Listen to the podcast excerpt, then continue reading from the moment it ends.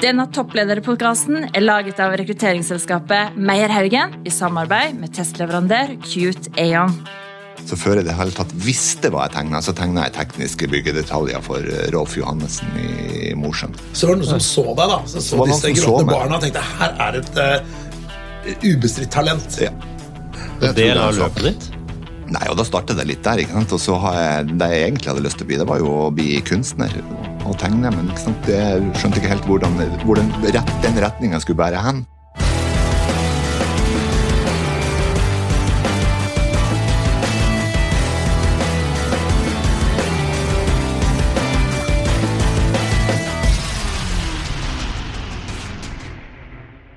Mitt navn er Petter Meyer, og jeg er managing partner i rekrutteringsselskapet Meyer Haugen. Og i dag har jeg med meg min gode kollega Bjørnar Angel. Velkommen!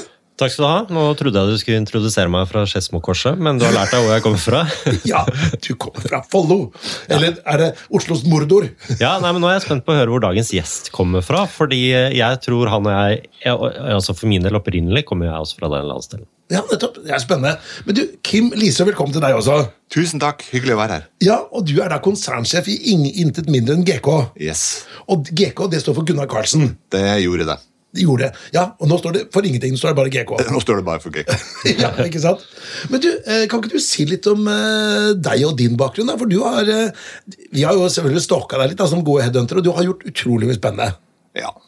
Jeg har fått muligheten til å gjøre mye spennende helt siden jeg begynte i byggenæringa. Men jeg har stort sett valgt én næring. da. Jeg har vært i byggenæringa siden jeg var omtrent 16 år. Og begynte å tegne reklametegninger i et lokalt ingeniørfirma i Ja, nå er jeg spent. Mosjøen. I Ja. Mosjøen, ja. Ja, For det er jo det er på Helgelandskysten, er det det? Det er på Helgelandskysten. Og For jeg ville også tippa sånn, altså, sånn eh, Ja, der omkring, altså. Altså Midt i Nordland et eller annet sted. ja. Jeg syns det her er ganske bra av østlendinger å tippe med så nært eh, Helgelandskysten, og Ja, ja. faktisk midt i. Ja, ja. Hvor, er- hvor vil du tippe en, eh, Bjørnar? Nei, du, jeg syns du tipper bra, jeg, så jeg skal ikke utfordre det. Men jeg må jo bare legge til, da, for jeg, jeg er født i Hammerfest, så jeg kommer jo da lenger nord fra deg. Betydelig lenger nord fra deg. Nå ser nå ser jeg skeptisk ut her. Nei, det er jo et par hundre mil, så det er ganske Så det er lenger mellom Mosjøen og Hammerfest enn Mosjøen og Oslo. Ja. er man skal tippe på, på Wien, da. Ja, vi skal sørover. Ja. Vi skal sørover. men, men du har en kjempespennende bakgrunn. Altså, du er jo da eh, altså, både akademia og praksisfeltet. Ja, Cirka halvt om halvt. Ja, Fortell litt om det. Det det er jo litt tilfeldig hvis du tenker på hvordan det, dette ble til. egentlig. Ja. Så jeg tror jeg, det er ganske tilfeldig. Klassisk spørsmål til ledere. Ikke sant? Har du hele tida ønska å bli toppleder? Ikke sant? Så kan vi komme litt tilbake til det. Men når jeg, når jeg var 16 år, så faktisk, det var litt tilfeldig at jeg havna i byggebransjen. Og det var rett og slett en eh, nabo som hadde sett med tegna gråtende barn. For det gjorde jeg når jeg var sånn 14-15-16 år, og så solgte jeg dem for 300 kroner til de som ville kjøpe. Yes. Så jeg var flink å tegne. Ja, det vet du. Og han hadde bruk for en teknisk tegner, og så et sånt eh, tegning på en eh, stuevegg i nabolaget, og spurte om jeg hadde lyst til å begynne å tegne for han. Yes. Så før jeg det hele tatt visste hva jeg tegna, så tegna jeg tekniske byggedetaljer for eh, Rolf Johannessen i Mosjøen. Så var det noen som så deg, da. Så, så så disse gråtne barna og tenkte her er et uh, ubestridt talent. Ja. Det er Del av løpet ditt? Nei, og da startet det litt der. ikke sant? Og så har jeg, Det jeg egentlig hadde lyst til å bli, det var jo å bli kunstner og, og tegne. Men ikke sant? jeg skjønte ikke helt hvordan, hvor den, rett, den retninga skulle bære hen. Og så gikk jeg på musikklinja på gymnaset og tenkte jeg skulle bli tverrfløytist. faktisk. Det drev jeg på med i ganske mange år. Jøss. Eh, og så skjønte jeg egentlig, når jeg var ferdig på, på gymnaset, så spurte jeg min uh, tverrfløytelærer, som var en veldig flink landstedsmusiker, hva er liksom oddsen for å gjøre karriere ut av å være tverrfløytist? Ikke sant?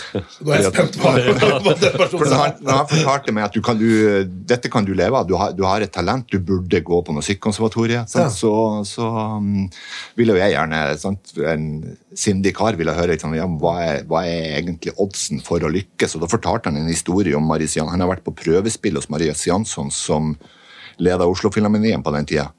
Og han hadde hørt 101 tverrfløytister, Ja. hvor Inger Rolland, min lærer, var en av dem. Og etterpå så han konkludert med at alle var kvalifisert, men han likte ikke lyden av noen. Det ble ingen ansatt. Og da tenkte jeg- denne karrieren Det er ordentlig roast. Han likte ikke da- tverrfløytister i det hele tatt. da. Nei, og da tenkte jeg det blir en litt, litt for strevsom karriere for meg. Sånn, så da da valgte jeg å bli ingeniør. Ja. Ja. Uh, hvis vi skulle blitt litt bedre kjent med deg, da, og så skulle jeg sagt Du, Kim, Uh, eh, hva mener du om Hvis jeg hadde spurt deg om det i en eller annen sosial sammenheng, og så hadde jeg truffet tilfeldigvis på favorittemaet ditt å prate om, som ikke er jobbrelatert, da, og kanskje heller ikke tverrfløytist eller Manchester United, hva skulle det vært da? Hvis det ikke var Manchester United heller? Jo, det kan godt være Manchester United. Det kan vi prate mye oss om. Nei, jeg, jeg tror jeg tenker Hvis du hadde truffet meg på, en- på en fest, så tror jeg det er lettest å få meg engasjert eh, gjennom fotball. Ja. Hva er det Manchester United gjør feil? Akkurat nå Ja, eller hva er det de gjør det riktige, kanskje?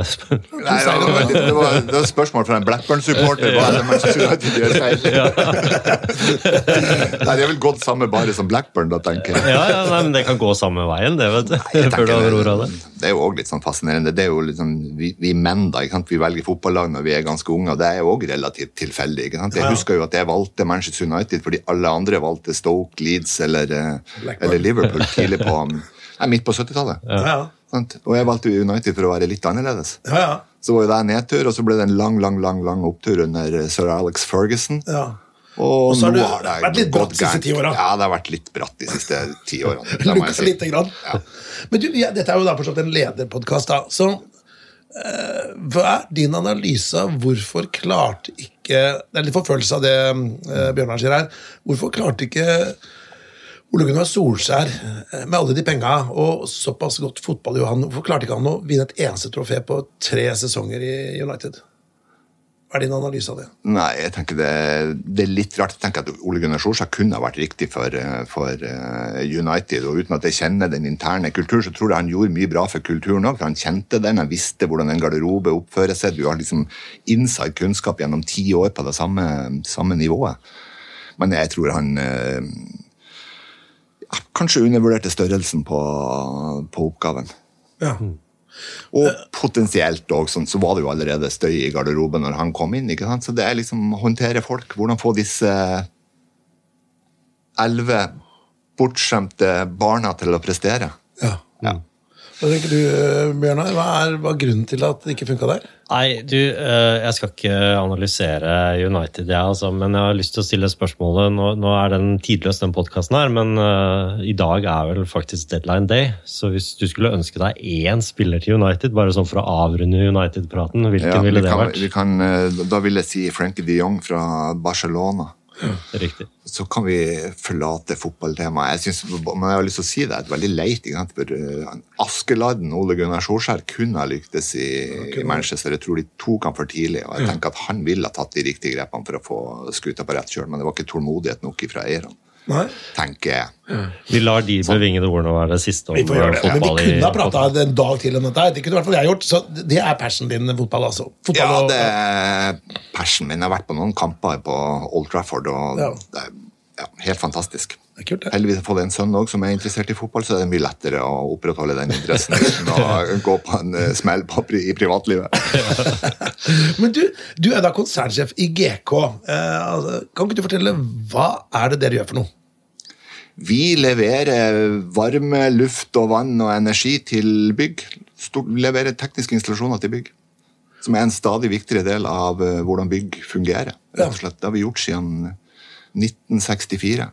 Starta som en bitte liten ventilasjonsentreprenør i, i Oslo, og etter hvert blitt en eh, betydelig skandinavisk selskap innenfor vårt område. Og hvis man da skulle sett utenfra da? Ofte så tenker man liksom at vår bedrift er så unik, og det tenker kanskje vi og Meierhaugen også, ikke sant? og bankene tenker at de er så unike, men sett utenfra så virker kanskje disse eh, tekniske entreprenørene ganske like, men hva er det som skiller dere fra konkurrentene deres da? Nei, altså det, det er jo skal ikke jeg snakke nedsettende om våre konkurrenter. Det som skiller oss um, vesentlig fra alle våre konkurrenter, det er jo faktisk at vi er noe så sjelden som et enfamilieeid selskap på denne størrelsen. her. Det, sånne selskap finnes det ikke så mange igjen av. Nei, så det er ikke børsnotert? det er rett og slett Ikke er børsnotert, det er familien Karlsen som eier det. Det er Jon Erik Karlsen som er styreleder. Ja. Så min aksjonær er en mann Ja. og hans familie. Så generalforsamlingen, den er, det er på kjøkkenbordet. Den er nok i litt mer profesjonell setning, men et stykke i nærheten av kjøkkenbordet er den nok. Ja.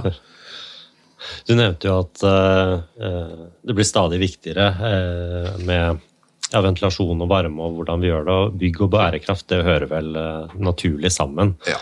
Eh, Altså, Hvilken utvikling har du sett siden du begynte med dine tekniske tegninger på bærekraft til der vi står i dag?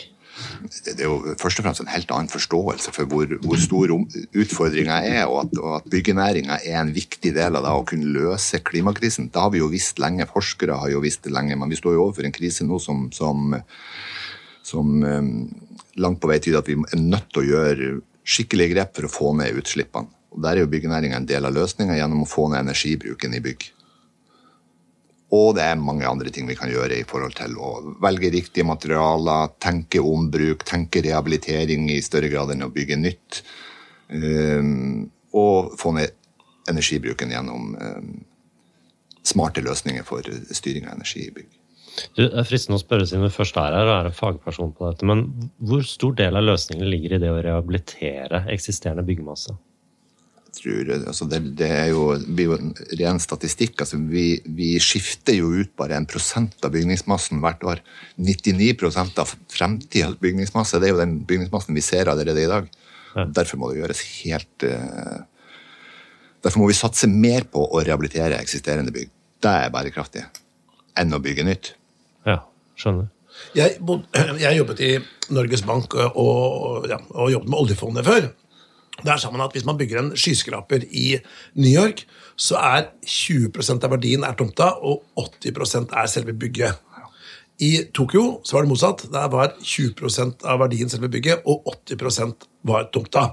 Og Der tok de jo reiv ned bygningene mye oftere, for det var, liksom, det var tomta som hadde verdi. Så hvis du kunne makse tomta, er, du kunne bygge litt høyere eller litt tettere eller litt uh, mer effektivt, så gjorde man det, da. Men uh, hva, hva, vil du si er uh, snittet her i Oslo-området, da? Er, er, det tomta eller bygget som er mest verdifullt? Tomta. Tomta, ja. ja. Og det gjør nok kanskje at det historisk har gått litt tregt, for du får til de endringene. ikke sant? Fordi at de som sitter på pengene, kanskje ikke ser problemet. Ja. Nå har vi jo og hva da Jens Ultveit Moe sa, vi, vi, skal ikke la en deilig krise gå fra oss. Nå vi, har vi ekstremt høye energipriser, nå er energiøkonomisering hyperaktuelt.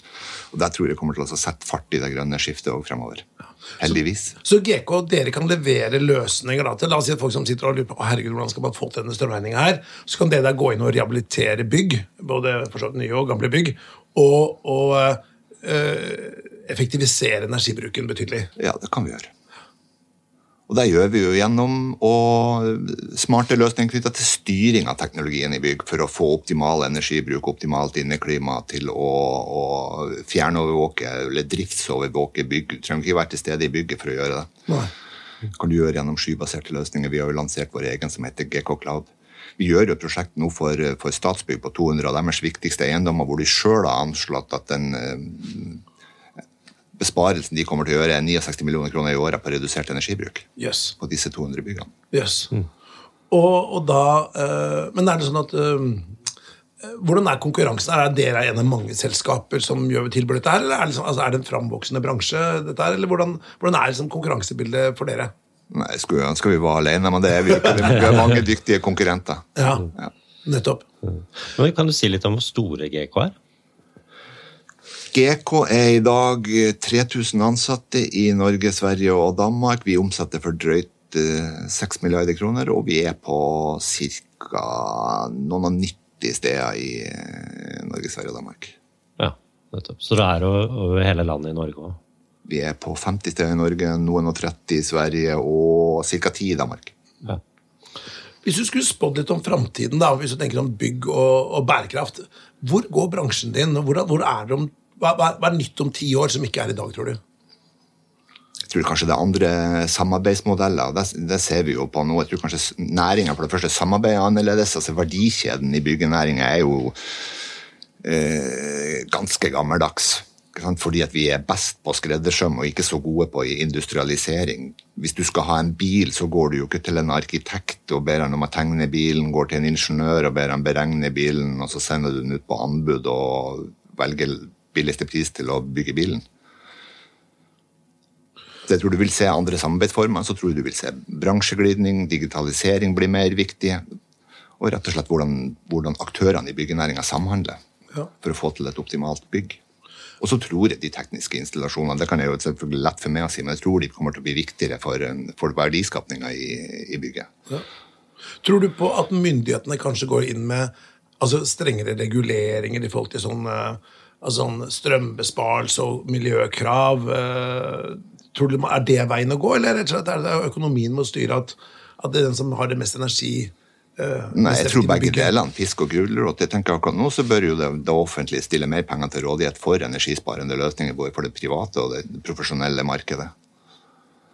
Når du sier Og så tror jeg også at sånn, Historisk har vi jo sett at eh, strenge, strenge krav i forskriften fører jo til innovasjon, for det gjør at man må tenke annerledes. Vi skal jo bare skru tida tilbake ti år, sånn så var jo alle livredde for passive hus, ikke sant? for da bygger vi tette hus. Mens det er jo bra for næringa, og da var jo bekymringa at dette klarer ikke alle. Ikke? I Norge så er vi jo litt sånn alle skal med på teknologien òg. Jeg har jo respekt for deg òg, at du skal prøve å få med deg alle, men, men eh, tida etterpå har jo vist at dette får vi til. Så jeg tror det er en blanding av pisk og gulrot.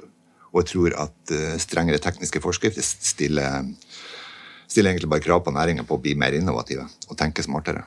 Og så tror jeg ikke vi løser klimakrisen heller uten at det stilles strengere krav til f.eks. klimagassberegninger.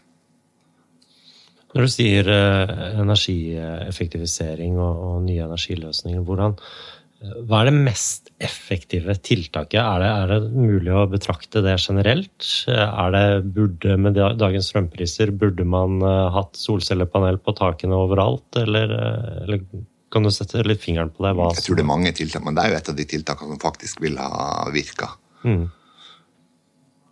Hvor mye er det å, styre strømforbruket bedre enn det vi gjør i dag? Nei, bare for å ta et talleksempel som jeg husker. Hvis vi ser på næringsbygg i Norge sett over ett, så bruker de ca. 31 terawattimer i årlig energibruk. ikke sant?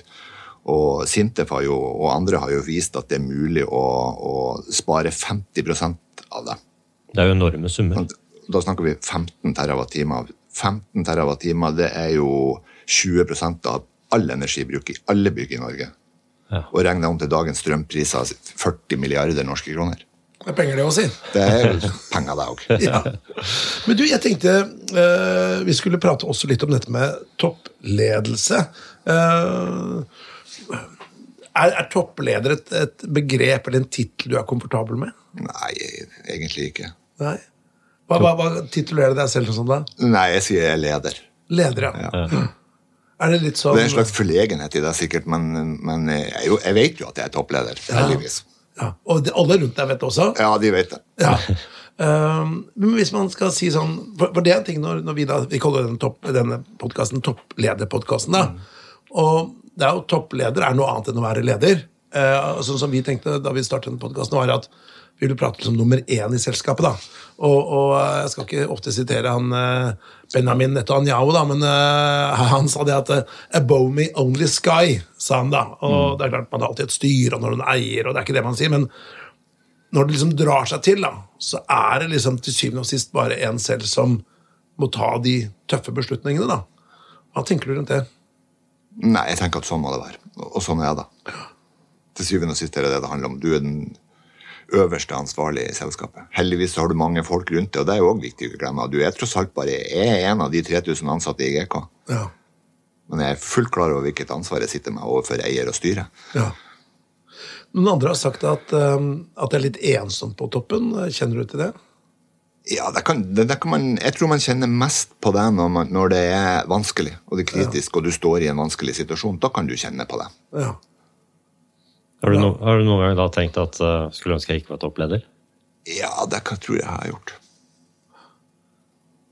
For, for det tror jeg alle som er i kanskje krevende stillinger Å, jeg burde liksom kanskje ha alt godt om andre stillinger òg, men, men det, er, det er jo forskjell på å være øverste leder i et stort konsern som har beslutninger i det Hvis du tar en feil beslutning, så har du så stor betydning for privatøkonomien da, til mange medarbeidere. Ikke sant? Man kan i ytterste fall gå konkurs. Eh, Ja. ikke sant? Eller man må legge Men det, tenker men det skal man jo ikke glemme av heller. Nei, ikke sant? Det er kanskje det viktigste å huske på.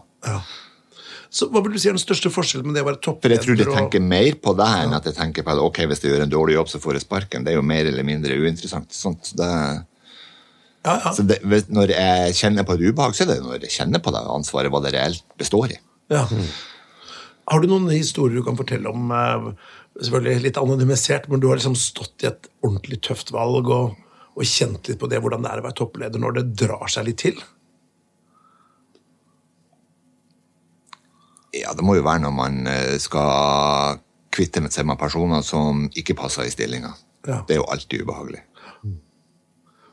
Hvordan eh, Hvordan uh... Samtidig så tenker jeg at det er jo lettere å gjøre når du er sikker på at det er riktig, og så er det litt vanskelig å gjøre når du er bitte litt usikker, og så er det verst å gjøre når det er en veldig, veldig Når kanskje personen sjøl ikke har uh, det samme forholdet til saken som jeg har. Ja, ikke sant? Vi kommer litt tilbake på det i disse tre kjappe. Eh, men en annen sånn hva skal jeg si, toppleder Kanskje ikke akkurat myter, da, men sånn saying er at det som er vanskelig med å være toppleder, er at alle de sakene som kommer opp til topplederen, er vanskelige. For de, vært, de, de lette sakene blir jo løst liksom, i lagene under. ikke sant? Altså Enten av den enkelte operatør eller konsulent eller le, mellomleder. ikke sant? Også de sakene som kommer på ditt bord, er ting som er ah, Faderland, nok en kinkig sak? Eller er, det, er du så rutinert at du tenker at det som er eh, vanskelig for andre, er lett for deg? Nei, jeg tenker ikke det siste, men jeg tenker at det er naturlig at jobben er sånn. ikke sant? Ja.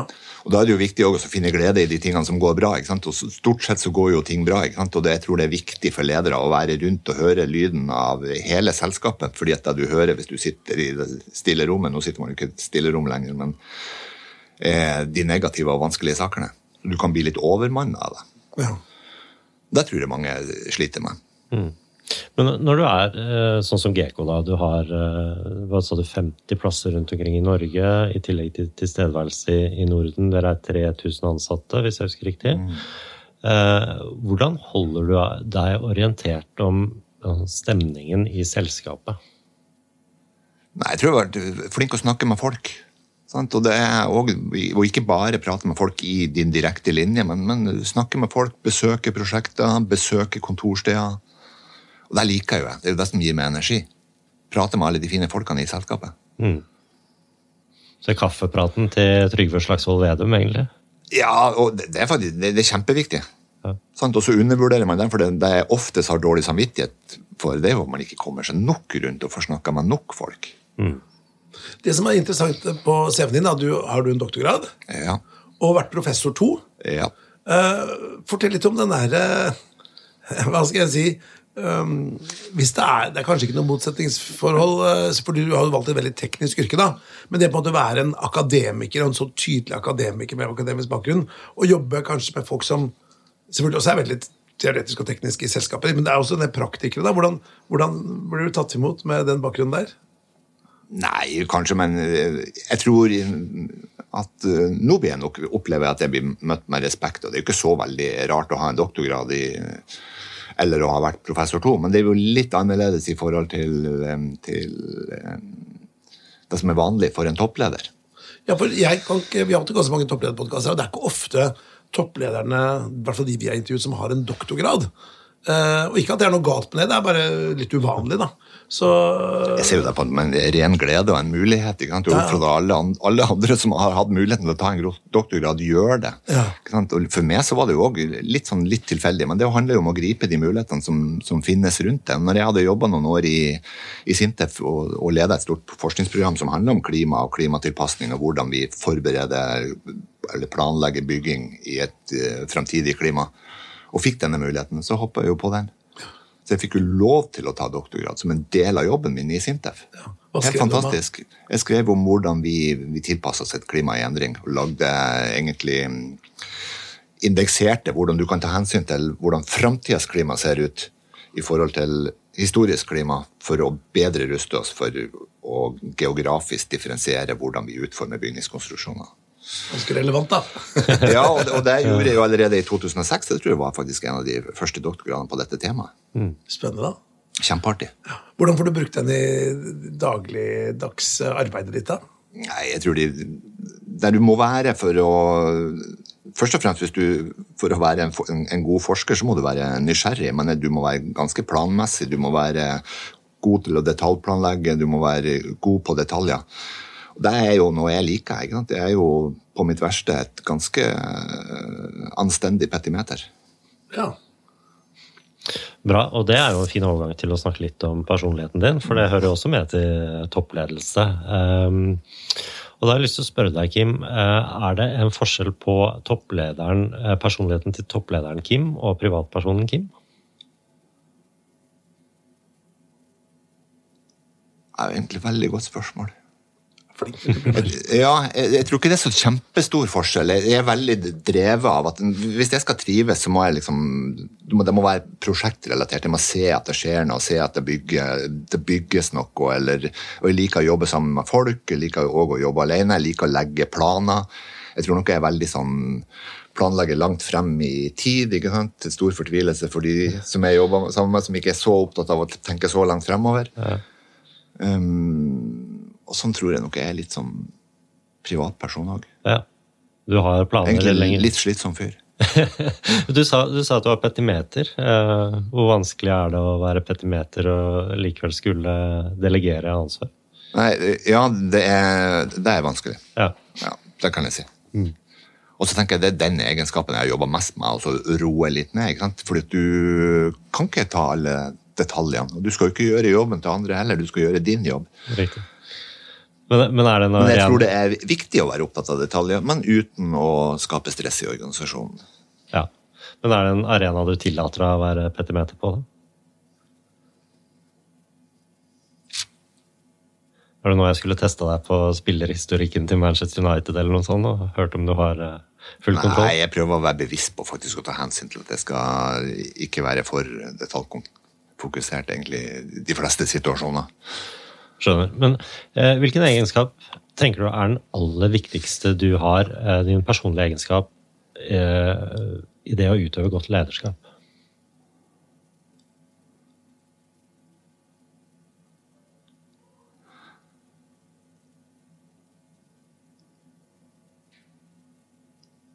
Jeg tror det er ganske robust.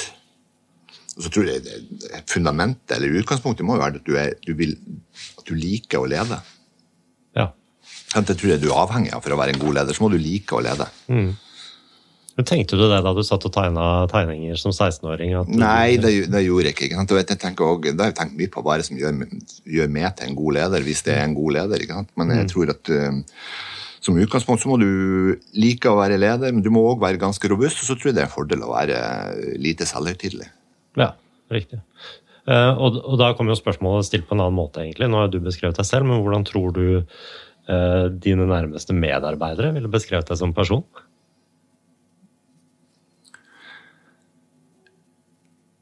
Forhåpentligvis skikkelig og ordentlig og hel ved. eh, Tydelig og ærlig. Bra. Fremstår som hel ved for meg, eh, Petter. Ja, definitivt. Men hvis du da øh, Hvis du tenker på din egen personlighet, da, så hvilke personlighetstrekk mener du at har tjent deg vel? Og hvilke personlige egenskaper kunne du tenke deg justert litt på hvis det var mulig? Opptrent som en equalizer, sånn gammel equalizer på, en, på et sånt stereoanlegg, hvor du kunne sånn, litt mer av det eller litt mindre av det. Men først sånn, hvilke personlige egenskaper har tjent deg vel? Som du tenker, ah, fy faen, jeg er glad jeg har det personlighetstrekket.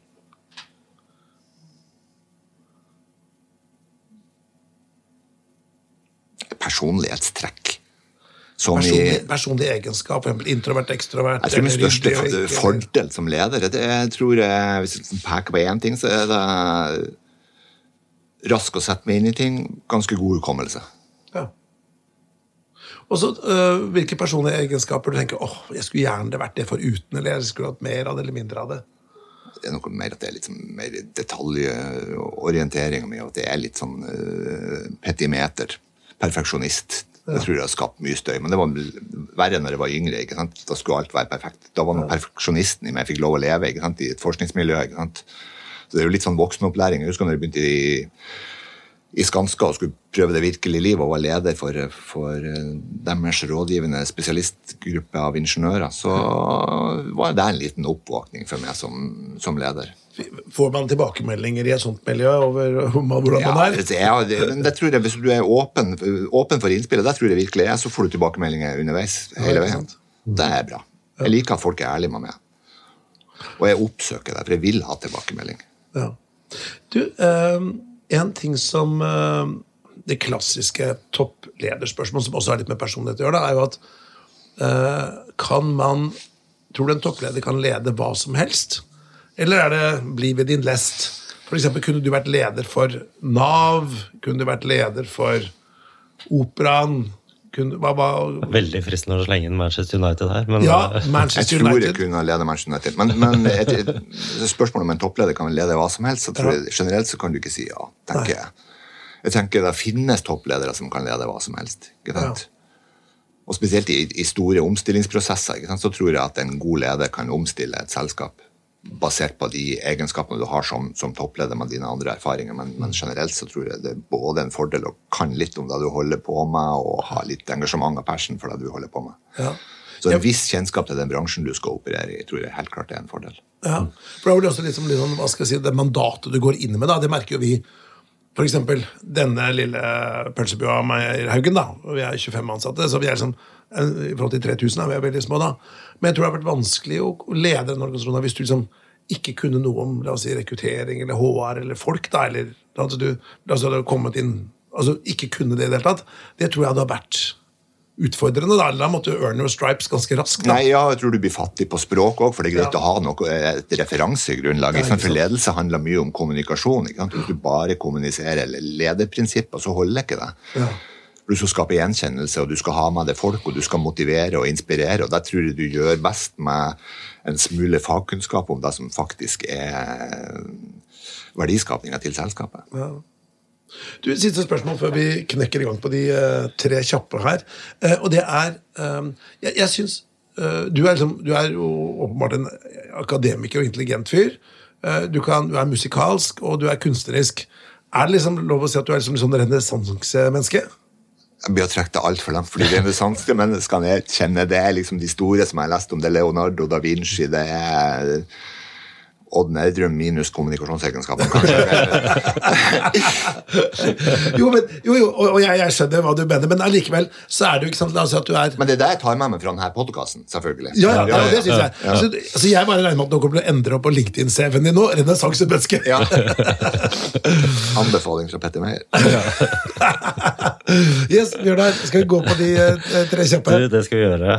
Renessansemenneske, tverrfløytist og tegner. Det er ikke Det er jo en hedersbetegnelse. Eh, ja, eh, det er i hvert fall kjappe spørsmål å stille, og så får vi se hvor kjapt du klarer å svare på det. Men vi var jo litt inne på det i sted. Og dette går på ledertips. Du har en person som ikke fungerer i den stillingen, og du skal gå inn og ta den vanskelige samtalen med vedkommende. Hva er ditt beste tips i en sånn situasjon? Behandle personen med respekt.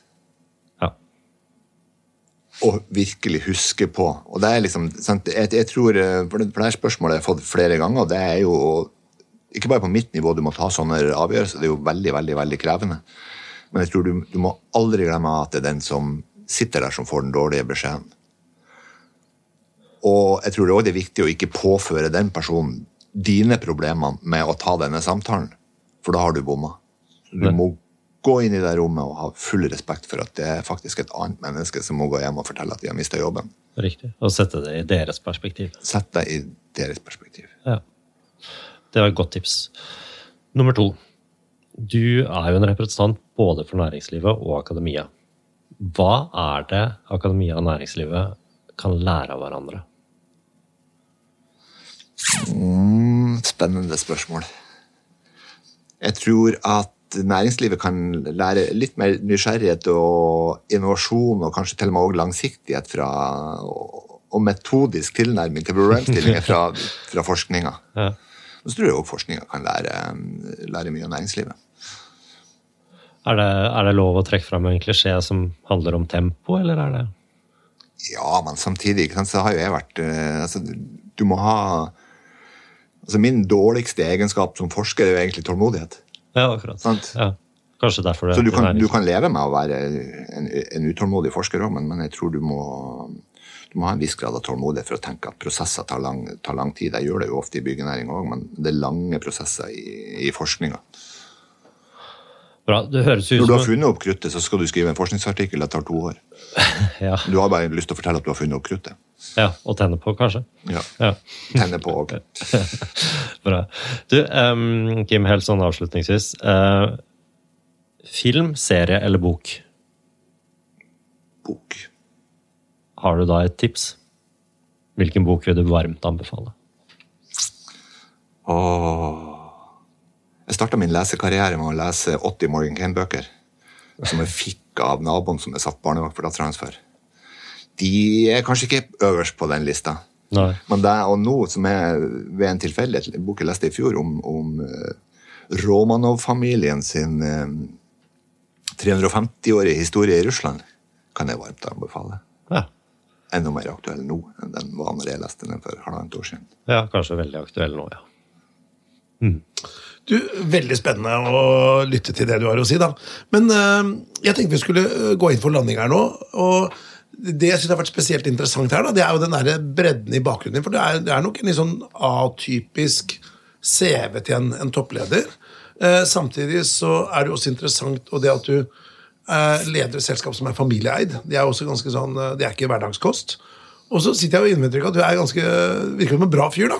Eh, United-supporter eh, og, og musikalsk og alt mulig sånn.